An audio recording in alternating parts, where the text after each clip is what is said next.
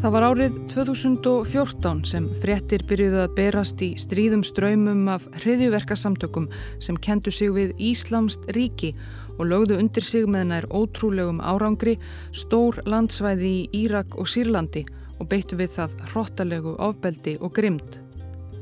Þá var dálitið eins og þessi samtök hefðu skindilega fallið af himnumofan, svo óvænt var leiftur sókn þeirra á uppgangur, bæði í hinnu stríðshrjáða Sýrlandi og langþjáða grannríki Írak.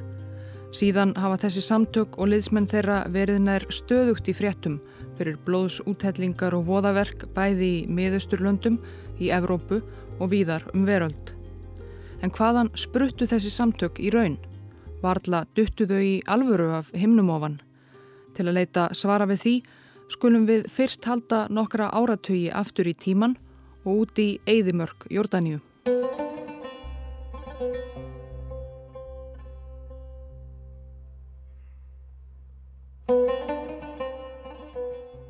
Sarka er þriðja stærsta borg Jórdaníu. Yðinaðar borgum 40 km norðaustur af höfuðborginni Amman reiksbúandi verksmiðjur og gráleit yðnaðarhúsnæði sem breyða úr sér í sandöðninni og innan um sandin og versmiðjurnar búa um 850.000 manns, flestir af verkamannastjett. Þessi látlausa yðnaðaborg ratar ekki oft í frettir en þó hún á líklega tilkall til þess að vera svo borg í Jórdaníu sem geti þið verið af sér hvað flesta vígamenn sem hafa farið þaðan til að heia heilagt stríð á erlendri grundu í nafni sinnar eigin öfgafullu tólkunar á Íslamstrú, fyrst til Afganistans, svo Balkanskagan og í Kákasusfjöll og svo loks til Íraks og Sýrlands. Það er vafasamur heiður og maðurinn sem líklega er frægasti svonur borgarinnar er kannski ekki mikið til að reykja sér af heldur. Það er maður sem um árabil var einn af allræfndustu hriðjuverkaleðtugum heims, Einmitt maðurinn sem á heiðurinn af því að hafa lagt grunninn að því sem síðar varð Íslamska ríkið. Maður sem var svo stoltur af uppruna sínum yðnaðar borginni í sandinum að hann kendi sig við hana, Abu Musab al-Sarkavi.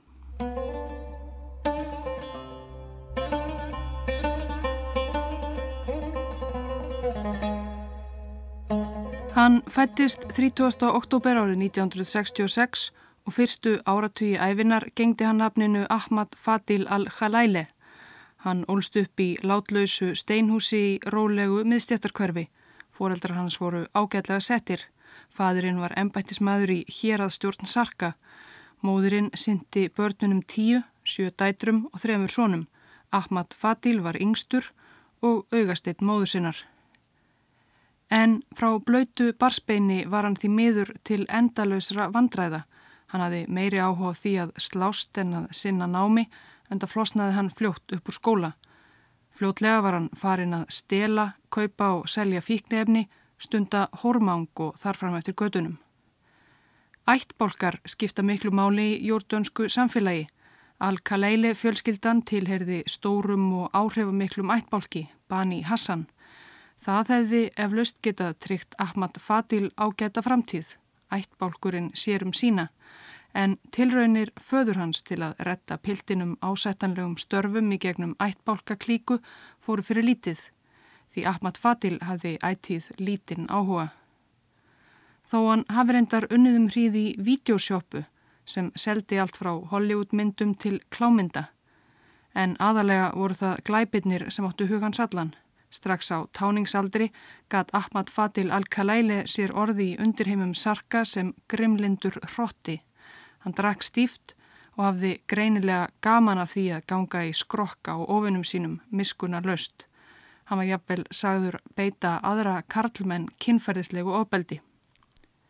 Hann var þó alltaf sami augasteitt móður sinnar og mamma gamla hafði því meiri áhyggjur af vandræða gemlingnum sininum sem á táningsaldurinn leið og strákurinn virtist ekkert ætla að eldast upp úr þessu veseni öllu. Þegar hann var um tvítugt ákvað mamma að reyna að grýpa í taumana með því að skikka svonin á trúarlegt námskeið í hverfismoskunni. Hún vonaðist til þess að það myndi renna upp fyrir honum ljós, hann myndi snúa af braut glæpa og ofbeldis og til trúarinnar. Að vissuleiti má segja að frú Al-Kaleili hafi fengið óskir sínar uppfylltar. Sónurinn tók sannarlega við sér í trúarskólanum. Hann drakk í sig boðskapin, hætti fljótt að drekka og lagði glæpi undra skjótt á hilluna. Fyrir en varði var hann ekki bara orðin trúaður heldur beinlinis strángtrúaður, reyndar svo mjög að mörgum þótti fljótt nóg um. Hann fylgdi einlega minstri sem þá þótti kannski framandlegt en við þekkjum vel í dag – Ungir menni eins og Ahmad Fadil al-Kaleile sem hafa verið í glæpum, stórum eða smáum og eru ofbeldisfullir og reyðir verðast eiga auðvelt með að heitlast af öfgafullir í hugmyndafræði hvort sem það er Íslams trú eða þjóðirnistefna eða annað. Við sjáum þetta til dæmis á mörgum þeirra sem hafa framið hriðjuverki í Evrópu síðustu misserinn, margir í nafni Íslamska ríkisins. Þar eru ofta á ferðinni ungir menn með fortíð í ímiskunar afbrótum innbrótum eða eitulifjasölu sem síðan snýrust til bókstafstrúar og heilags stríðs. Segja má að Ahmed Fadil hafi skipt út einum öfgum fyrir aðrar, glæpir og hróttaskapur viku fyrir öfgafullri bókstafstrú.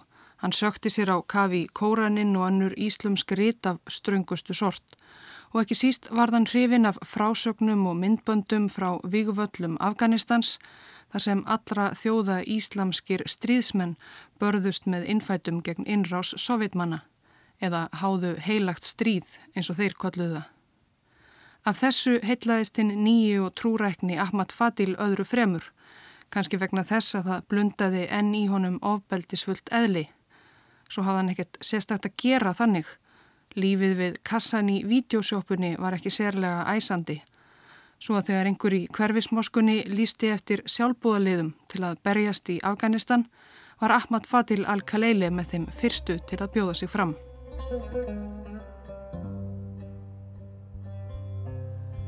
Það var í Afganistan sem Ahmad Fadil fór að kalla sig öðru nafni eins og týðkaðist meðal heilögu stríðsmannana. Hann tók um nafnið Abu Musab al-Sarkavi eftir nafnið vísar til heimaborgarinnar, sá frá Sarka. Hann kom til Afganistan vorið 1989, 23 ára gamal. Stríðið sem hafði lokkaðan og aðra erlenda stríðsmenn til Afganistan var þannig séð búið. Það voru nokkrar vikur síðan síðustu sovjísku herrmennir letu sér hverfa en erlendu vígamennir frá Arapalöndum og víðarað heldu áfram að berjast gegn kommunistastjórninni í Afganistan sem Kremlverjar höfðu yfirgefið. Þeir sem börðust með Sarkavi á þessum tíma segja að hann hafi virkað áhuga samur en nokkuð tilfinningaríkur ungur maður. Hann skammaði sín greinilega fyrir fortíð sína. Trátt fyrir steikjandi hitan var hann alltaf í langarmaból til að hilja húðflúrin sem hann hafi fengið sér í fyrra lífi sínu sem krimmi en svo stránga tólkun á Íslamstrú sem hann fyldi þá lefði engin húðflúr af neinu tægi. Síðar átti hann eftir að reyna allt til að losa sig við húðflúrin, heldi klóri yfir handleikin á sér og þegar það virkaði ekki skaran þau einfallega af, saumaði svo húðina á handleikunum saman aftur sjálfur. Aðgerðin skildi eftir einkennandi ör á handleikunum ánum. Hann þótti líka kjarkaður stríðsmaður, jáfnvel fípltjarfur. Eins og margir af kollegum sínum saðist hann helst dreyma um að deyja píslar dauða á vígvellinum en þá ósk fekk hann ekki uppfylta. Eftir fjögur ári í Afganistan sneri hann aftur til Jórdaníu árið 1993 á samt fleiri jórdanskum vígamönnum. Eftir allan þennan tíma í afskektu fjallendi Afganistans í hálgerðu miðalda samfélagi bókstafstrúarmanna voru Sarkavi og félagar hans breyttir menn og áttu erfitt með að aðlagast jórdanskum nútíma á nýjanleik. Eftir heimkomuna fór hann aftur að vinna í vídeosjópunni en hann erði sig á öllu. Vestræn áhrif voru yfirgnæfandi allt í kringumann og í hans augum óþólandi. Allstaðar lettklættar konur sem blönduðu geði við ókunnuga karlmenn eins og ekkert væri sjálfsæðara en samkvæmt strángri trúastefnu hans var það bannað. En meira segja hans eigin móðir og sistur hunsuðu hann þegar hann reyndi að fá þær til að sveipa sig burku að afgunnskum síð. Sarkavi gerði því það sem margir aðrir erlendu vígamannana af vígvöllum Afganistans gerðu um þetta leiti. Hann blandaði aðalega geði við aðra fyrverandi vígamenn. Þeir skildu hver annan, deldu bæði reynslu og ströngum trúarskoðunum og voru flestir enn aðalega með hugan við heilagt stríð. Hann ringdi í nokkra gamla félaga af výgvellinum. Þeir fóru að hittast, byggja saman og mynduðu árið 1994 samtök sem þeir kölluðu Bayat al-Imam sem gæti útlagst hotlustu eyður til bænaleðtúans en nöfn íslamskra öfgasamtaka eru sjálfnast mjög þjáli þýðingu. Markmið samtakana var að halda baráttunni áfram, heilaga stríðinu gegn vantrúðum en í þetta sinn heimafyrir í Jórdaníu. Abu Musab al-Sarkavi hafði stopnað sín fyrstu hriðiverkasamtök en ekki þau síðustu.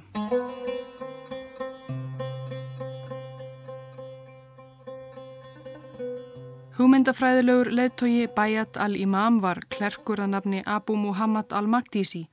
Sarkavi hafiði kynstónum í Afganistan og hann hafi haft mikil áhrif á hans eigin skoðanir. Magdísi áleit allt minnsta daður við líðræði, jafngilda guðlasti og fráfalli frá trúni og lagði fæð á alla ráðamenn í Arabaheiminum, bæði þá veraldlegu og aðra eins og konungsætt Sáti Arabíu sem þó aðhyldust stránga trúartúlkun vahabismans. Það dögði Magdísi ekki, hann vildi losna við allt heila klappið með eldi og brennisteini. Bayat al-Imam urðu sér úti um vopn, nokkrar bissur og smávegis sprengiefni og ætluðu að hefja stríð sitt gegn vantrúðum með því að ráðast á Ísraelska varðstöð á landamærum Ísraels og Jórdaníu. Tveir áttu að sprengja sér í loft upp og aðrir að skjóta á þá verði og borgara sem enn livðu. En það varð aldrei neitt úr þessu. Liðsmenn Bayat al-Imam voru kannski reyndir stríðsmenn en þeir voru nýgræðingar í skiplækningu hriðiverka. Hinn uppluga leinilaurugla Jórdaníu fekk einhvern veginn veður af áformum þeirra. Hún hefur eiru og augu víða og svífst einskis. Og aðfaranótt 29. mars 1994 reðist leinilauruglan til allugu. Abu Musab al-Sarkavi var handekinn í rúminu heima hjá sér og var svo á samt 12 öðrum liðsmönnum Bayat al-Imam dæmdur í 15 ára fangelsi fyrir ólöglega vopnaegn og fyrir að hafa lagt á ráðin um hriðiverk.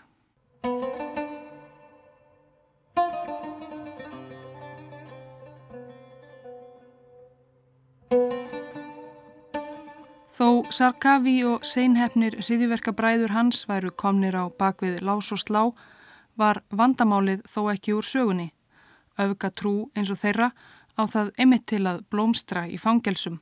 Þar geta herskáir hreintrúar menn fundið hver annan lagt á ráðinn og haft að áhrif á aðra fanga, fengið á á sveif með sér. Nákvæmlega þetta gerðist þegar liðismenn samtakana sem kölluði sig Bayat al-Imam komu í svaka fangelsið í Jórdaníu. Þar fundu þeir fyrir fjöldanallan af skoðanabræðurum sínum og marga gamla vopnabræður frá Afganistan sem höfðu lengt í steininum fyrir að hafa ráðist gegn hinu og þessu sem þeir tóldu óásættanlegt í jórdansku samfélagi. Oft voru þeir jáfnvel enn missefnaðri en Sarkavi og félagar. Einn fangi satt inni fyrir sprengju árás á bíóhús sem síndi klámyndir. Hann hafi komið sprengjunni fyrir í áhörvendasalnum en svo orðið svo niður sokkin í kvikmyndina sem verið var að sína að hann glemdi sér, lendi sjálfur í eigin sprengju og misti báða fætuna. Eldklerkurinn Abu Muhammad al-Magdisi átti líka auðvelt að hrífa menn með sér með þrjumur ræðum gegn líðræði og vantrúðum. Fyrir en varði hafi myndast nær 50 manna hópur fanga sem hjekk á hverju orði klerksins og hlítu jafnframt skipunum hans nánasta samstarfsmanns Abu Musab al-Sarkavi. Hann reyndist nú vera áhrifaríkur leittói og hjælt uppi ströngum heraga í hópnum. Fangelsis yfirvöldum hætti loks að lítast á blikuna.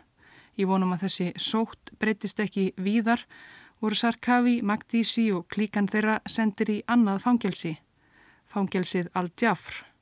Breskir nýlenduherrar höfðu byggt það lengst út í afskektustu eðimörk fyrir allara hættulegustu fangana, en aðstæður voru svo ömurlegar að það var löngu hætt að nota það. Fyrir en Sarkavi og félagar voru sendir þangað árið 1998. Þar sem engir aðrir fangar voru, gáttu þeir ekki fengið fleiri til liðsvið sig. Júrdönsk yfirvöld töldu sig hafa einangrað sótina, en það var ránt.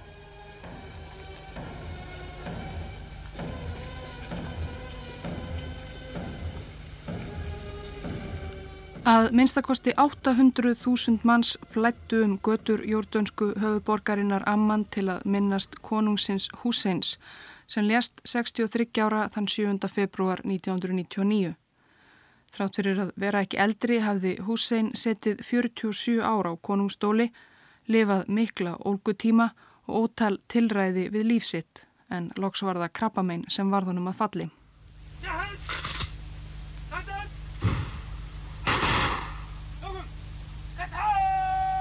Í jarðaföruna mætti fjöldi konungborina, þjóðar leðtoga og fyrirmenna á röllum heimsornum.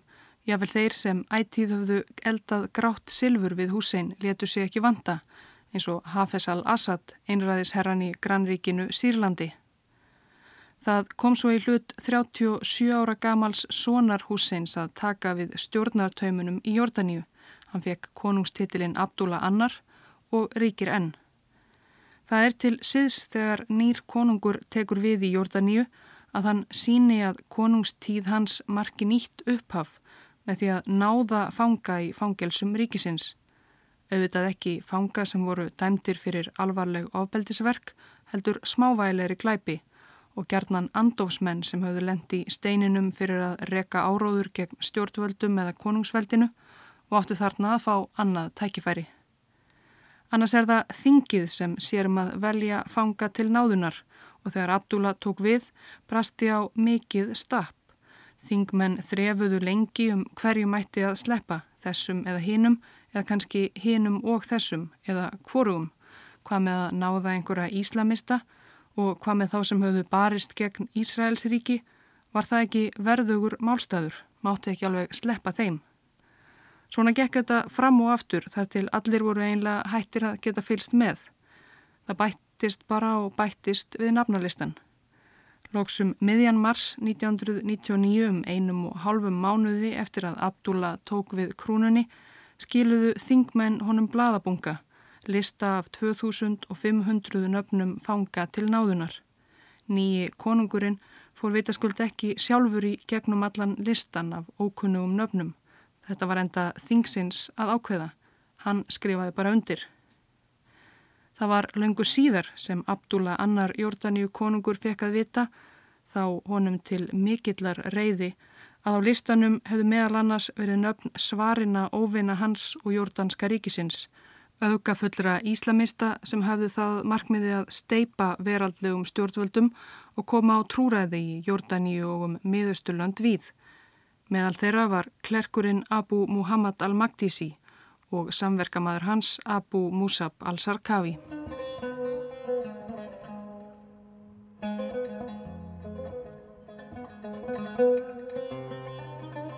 Sarkavi var nú frjáls maður en kannski hefur hann þótt erfitt að fóta sig utan fangelsisins í einu ósýðlega veraldlega samfélagi rétt eins og þegar hann kom fyrst frá Afganistan mörgum árum áður. Allavega var hann um hálfu ári eftir að hann losnaði úr fangelsi kominn til borgarinnar Peshawar í Pakistan. Hann hafi sagt öryggisvörðum á flúvellinum í Amman að hann ætlaði að söðla um og gerast hunángskaupmaður í Pakistan. Þeir lögðu litla trú á þá sögu en það var engin ástæða til að banna honum að fara á landi. Í raun var ferð Sarkavís heitið frá Pakistan yfir til Afganistan til Kandahar þar sem hann knúði dýra hjá helsta leðtoga hins heilaga stríðs íslamista á þessum tíma, sátanum Ósama bin Laden.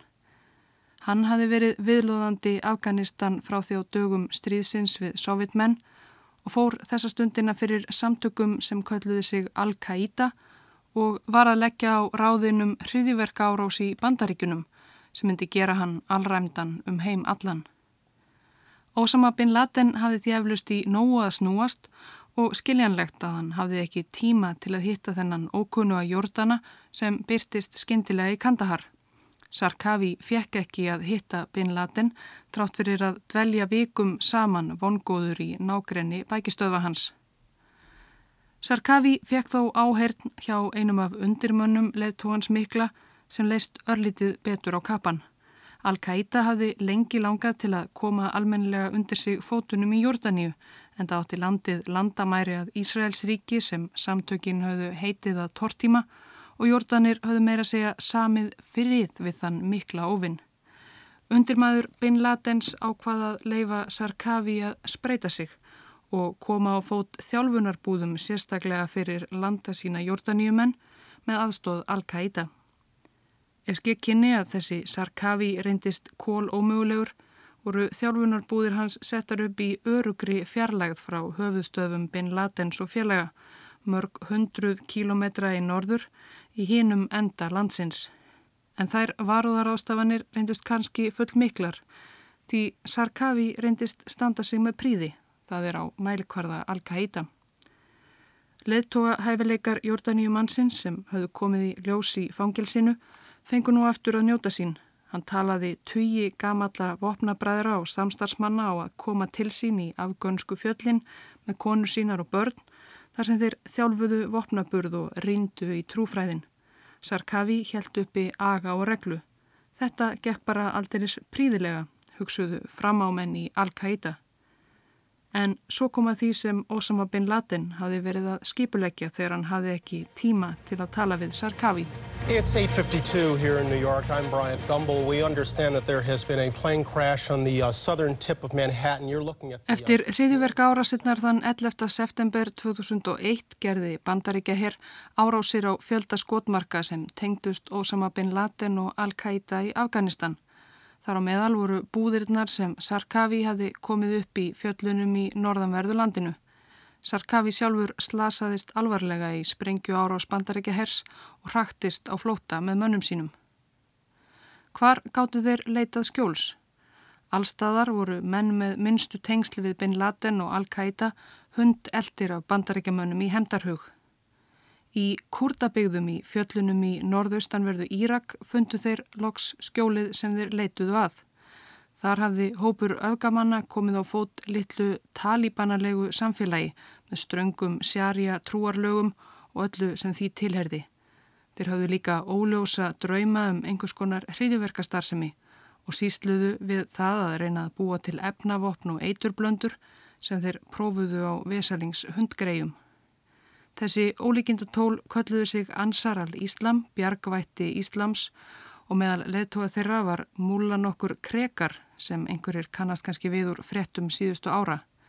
Hann var ekki sjálfur á staðnum, múla krekar bjó nefnilega á þessum tíma á býren í Noregi, þangað sem hann kom sem flótamaður 1991.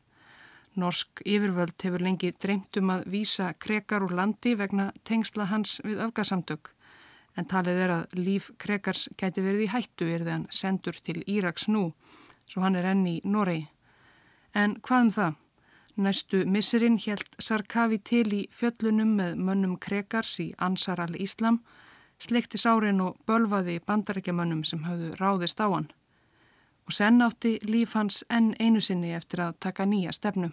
Iraq today harbors a deadly terrorist network headed by Abu Musab al-Zakawi an associate and collaborator of Osama bin Laden and his al-Qaeda lieutenants. Sarkavi skaut upp á stjörnuhiminin ef svo máðu orði komast hann 5. februar 2003. Þá tók Colin Powell, þáverandi utaríkisráð þeirra bandaríkjana, til máls í öryggisráði saminuð þjóðana. Í meira en klukkustund fór Powell yfir í ítarlegum smáatriðum þá ogn fyrir bandaríkin og heimsbyðina alla sem stafaði af Saddam Hussein einræðisherra í Írak í vonum að fá öryggisráðið til að samþykja innrás bandaríkjana í Írak. Það var ímislegt tínt til. Saddam átti nær öruglega geriðingarvopn og var fullvís til að beita þeim hvar og hvenar sem er, saði Páel. Og Saddam átti líka í samkrulli við óvinni bandaríkjana nr. 1, hriðjverkamenn Al-Qaida, Osama bin Laden og nána samverkamenn hans, menn eins og Abu Musab al-Sarkavi. Páel myndist meira en 20 sinnum á nafn Sarkavís í þessari ræðu. Leini þjónustumenn í bandaríkunum Jordani og Víðar og fleiri sem þekktu til Sarkavís og verka hans hinga til reittu vísast hársitt og skegg í hvert skipti því eins og flesti í þessari allræmdu ræðu utaríkisráþurans var þetta jú koll rángur málflutningur. Jú, vissulega þá var Sarkavi slagt og ég við hriðuverkamenn eða minnstakosti hriðjuverka sinnaða menn í Írak. En hann var engin náinn samverkamaður Ósama bin Ladens. Þeir hafðu varla hist. Og aðrir í Al-Qaida báru engar sérstakar taugar til jórdaníumannsins heldur. Og það sem Powell vildi meina að Saddam Hussein leiði Sarkavi, Al-Qaida og þessum hriðiverka líð öllum að starfa innan landamæra Íraks og bókstaflega stitti starf þeirra og baráttu gegn Vesturlöndum, það var auðvitað fáránlegt bull eins og komið hefur rækilega í ljós á árunum eftir innrás bandaríkjana í Írak. Mart Ílt mátti segja um Saddam Hussein en hann var þó veraldlegur harstjóri sem vildi ekkert með öfga íslamist að gera og svo tilfinning var gagkvæm. Liðsmenn Al-Qaida og skoðanabræður þeirra lögðu fæð á einræðisherran. Colin Powell hefur síðar líst þessari frægu ræðu sinni í örgisráði saminuð þjóðana sem miklum mistökum. Hann mundir endar ekkert sérstaklega í viðtali fyrir á þessu ári eftir kaplanum um Sarkavi. Fannst sá kapli ekki hafa verið þunga miðja ræðunar, bara eitt af mörgum atriðum sem hann dró fram til stuðningsinrásarinnar í Írak. En þetta hafði samt sem áður afleðingar. Allt í einu var Abu Musab al-Sarkavi Þessi hriðiverka maður sem hingað til hafi verið frekar ómerkilegur pappir, jável misefnaður, að minnstakosti mjög lítill fiskur í stóri tjörn, orðinað nafni sem þekkt var um víða veröld. Hann var komin á kortið og átti eftir þetta miklu auðveldara með að laða að sér bæði fylgismenn og fjö. Colin Powell tókst ekki þrátt fyrir langa ræðu og alls konar kort og skýringamindir að tala öryggisráð saminuðu þjóðana á að styðja innrás bandaríkjana í Írak en eins og við vitum öll hafðu bandaríkjamenn ekki sérstakar áhyggjur af því, réðust samt á Írak án samþykis öryggisráðsins en með stuðningi 46 ríkja hinn að svo kulluðu viljugu þjóða og þar á meðal var auðvitað Ísland. Innrásinn gekk samkvæmt áallun að minnstakosti framanaf. Fyrsta loftárásin á fórsetahöllina í Bagdad var gerðum hálf þrjú að nóttu 20. mars 2003. 42 dögum síðar, 1. mæ 2003, stóð George Töfaldvaf Bush bandaríkja fórseti á þilfari flugmóðurskipsins Abraham Lincoln og lísti því yfir að hernaði í Írak væri lokið. Mission accomplished. Major combat operations in Iraq have ended. In the Battle of Iraq, the United States and our allies have prevailed. Þetta reyndist auðvitað ákveðin fljótfærni hjá fórsetanum fyrverandi, svo nokkuð vægt sér til orða tekið. Það var lítil ástæða til að fagna. Stríðið í Írak átti eftir að halda áfram lengi enn og senn taka á sig nýja og hryllilegri mynd.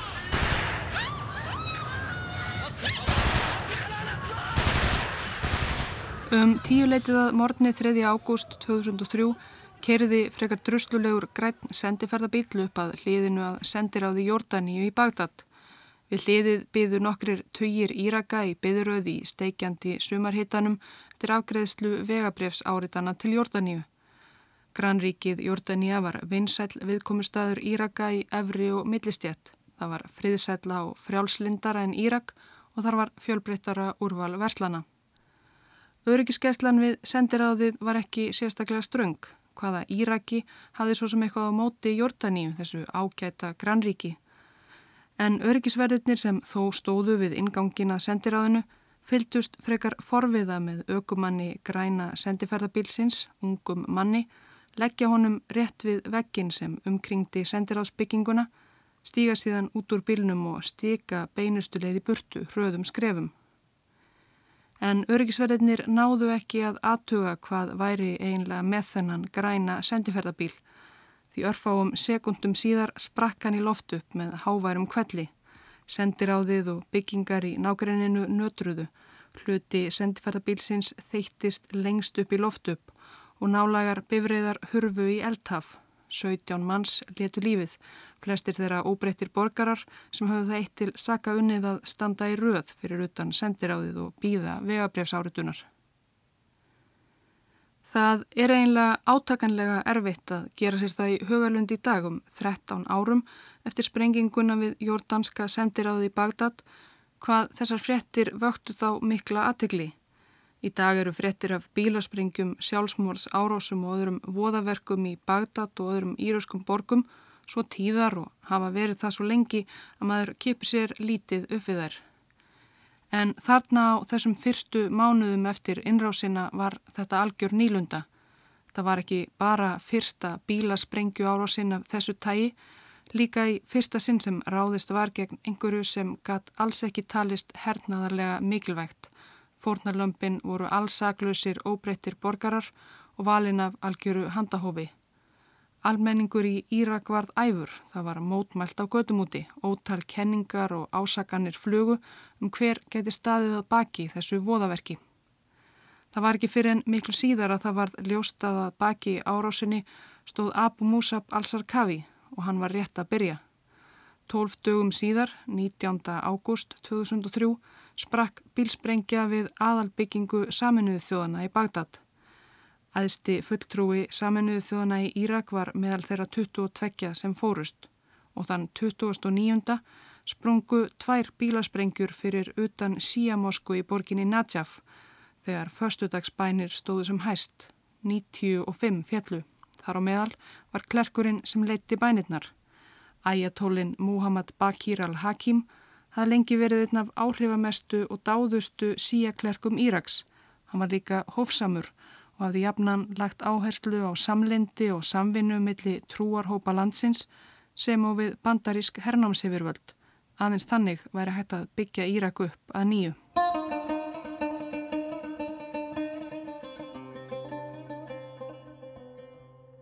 En maðurinn sem hafði skipulagt allar þessar árásir vildi ekki sjá uppbyggingu, bara niðurrif.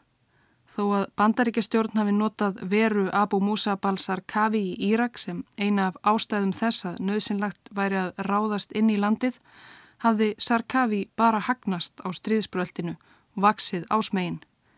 Hann hafði notfær sér ringulreiðina við innrásina til að flytja sig niður úr fjöllunum í norðri og koma almennilega undir sig fótunum og sömu leiðis notfært sér fræðina sem hann sjálfur öðlaðist við ræðu Collins Powell til að sópaða sér nýjum fylgismönnum sem voru reyðbúnir að forna lífinu í heilugu stríði gegn bandaríkunum og veraldlegum stjórnvöldum í Írak. Og einum blóðugum ágústmánuði hafði honum tekist að hleypa öllu upp í loft, ráðast gegn vinnveittum nágrana, hans eigin heimalandi Jórdaníu, alþjóða samfélaginu í formi saminuðu þjóðana og meira segja öðrum múslimum Súnnítar og sítar höfðu lifaði mestu í sátt og samlendi í Írak hingatil, ekki hirt mikið um hver var hvað. Vissulega gætt einhver tókstreita verið til staðar. Írakar eru að meiri hluta sítar, þeir eru á byrjunu 60 til 65% þjóðarinnar, á móti um 30% súnníta. En Saddam Hussein var sjálfur súnníti og hans valdatíð voru það súnnítar sem skipuðu flest valdamikil embætti, elítu landsins. Við innrás bandaríkjamanna hrundi þetta fyrirkomulag svo eins og spilaborg. Margir sítar hugsuðu sér þá gott til glóðarinnar að nú getur þeir loks komist að kjötköllunum og sömu leiðis óttuðust almennir súnnítar þá um haksinn nú þegar sítar kæmust til valda, hvað þeir væru í hemdarhug. Mannskeið sprengju árós á saglausa síta við föstudagsbænir varð ekki til að læja öldur millir trúarhóparna tvekja. Allt var þetta sangvært áætlun Sarkavís. Mest af öllu vildi hann ymmit kinda undir ósætti millir íbúa Íraks.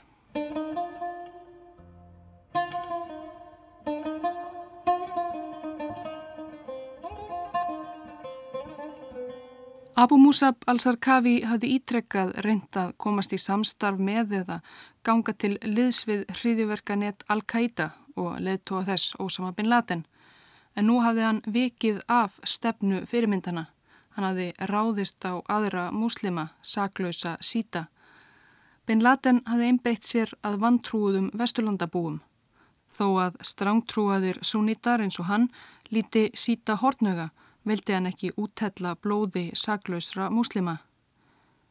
Sarkavi reyndi að útskýra málsitt í laungu og nokkuð smjæðjulegu brefi sem hann reytaði til Bin Ladens í ársperjun 2004.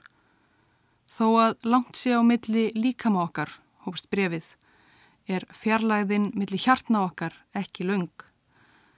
Sarkavi vildi svo meina að með því að slátra saklausum sítum væri hann í raun að slá ekki færri en þrjár flugur í einu höggi stopna til Ítlinda í Írak, losna við viðsjárverða trúvillinga og jafnframt neyða hérna almennu sunni-múslima til að rýsa upp og taka þátt í þeirra sameinlugu heilugu baráttu, vekja þá úr dvala. Engur geti sagt að með þessu séum við í fljótfærni að leiða hérna íslumsku þjóð til orustu sem hún er ekki reyðubúin að heia, skrifaði Sarkavi ennfremur í brefi sínu til Bin Latens. Orustu sem verður andstykkileg og blóðug, en það er einmitt það sem við viljum. Blóðugt og andstykkilegt eru einmitt lýsingarorð sem henda vel til að lýsa þeirri stefnu sem Sarkavi og samtök hans voru sífælta tilenga sér í auknum mæli. Hann vildi stopna til ófriðar og verða þektur fyrir miskunarleysi og viðbjóðslegt óbeldi og blóðsútællingar. Hann vissi sem var að það myndi afla honum fræðar og fylgismanna, ungra manna sem hrifust kannski ekki síst af ofbeldinu og bróðskapnum um heilagt stríð gegn óvinnum Íslams. Fimm hettuklættir menn í svörtu standa hlið við hlið. Fyrir framann þá krýpur ungur maður í appisinu gulum samfestingi. Einn svartklættu mannana flytur langa ræðu, útúðar bandaríkunum og vesturlöndum. Svo tekur hann upp nýf sem hann notar til að sarka með erfiðismunum og öskrum höfuðið af unga manninum í appisinu gula samfestingnum, 23 ára gamlum bandaríkjamanni Nick Berg. Hann hafi komið til Íraks með háleita drauma um að koma á fót eigin fyrirtæki í útvarsmastratækni en lendi klónum á manninum með hnífin, Abu Musab al-Sarkavi. Svartklættur böðullin og appisnugulur fangabúningur hins döðadæmda minnir óneitanlega á aftökumindbönd sem Íslamska ríkið hefur sendt frá sér á síðari árum þó mynd og framleiðslu gæðin hafi á þessu stígi verið miklu minni. Viður styggilegt myndbandið af aftöku Nick Bergs fór einhverða síður eins og eldur í sinu um internetið í mæ 2004 og það hafi tilskilin áhrif, jók enn á fræð hins allræmda Abu Musab al-Sarkavi sem nú fekk nýtt viðunefni, Sheikh Slátrarana. Nokkrum dögum síðar var tilkynntum stopnun nýra hriðverkasamtaka sem kölluði sig Al-Tawhid wal-Jihad, eining og heilagt stríð.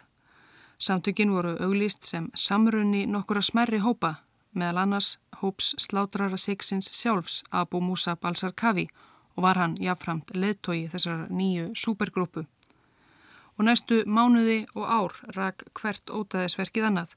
Það byrtust fleiri blóðu myndbönd af aftökum á útlendingum og svo voru það tíðar sjálfsmórsprengju árásir bæði gegn bandaríkjamönnum, sítum og svo bara hverjum sem fyrir varð. Jáfnfram því sem Sarkavi og menn hans urðu aðsóps meiri varð vargöldin í Írak verri og verri, missættið milli almennra sunnita og síta jógst eins og hann ætlaðist til. Markmið Sarkavis var jú að hleypa öllu upp í loft og það virtist ætlað að takast. Ekki síst eftir að hann sprengdi í loft upp hérna ævafornu al-Askari mosku í írösku borginni Samara. Sprengingin varð við dögun þegar moskan var mannlaus og engan sakaði en þúsund ára gömul fagurlega skreitt moskubyggingin, eitt af helgustu viðum sítamúslima, gjör eðilaðist og sprengjudáðið setti af stað blóðugan vítarring, ofbeldis og hemdarverka. Í Samara og víðarum landið harmisleiknir sítar réðust á sunníska nágranna sína og sunnítarnir hemdu. Líkin hraunuðust upp, alltaf þúsund manns lág í valnum bara fyrsta sólarhingin. Jafnvel bandaríkjumenn neittust á til að viðurkenna að ástandið í Írak væri að fara úr böndunum. Eftir sprenguna í Samara varð ekki aftur snúið. Átökinn milli íraskra sunnita og síta áttu bara eftir að verða verri og verri verðað borgarastyrjöld, allt samkvæmt áætlun Abu Musab al-Sarkavi.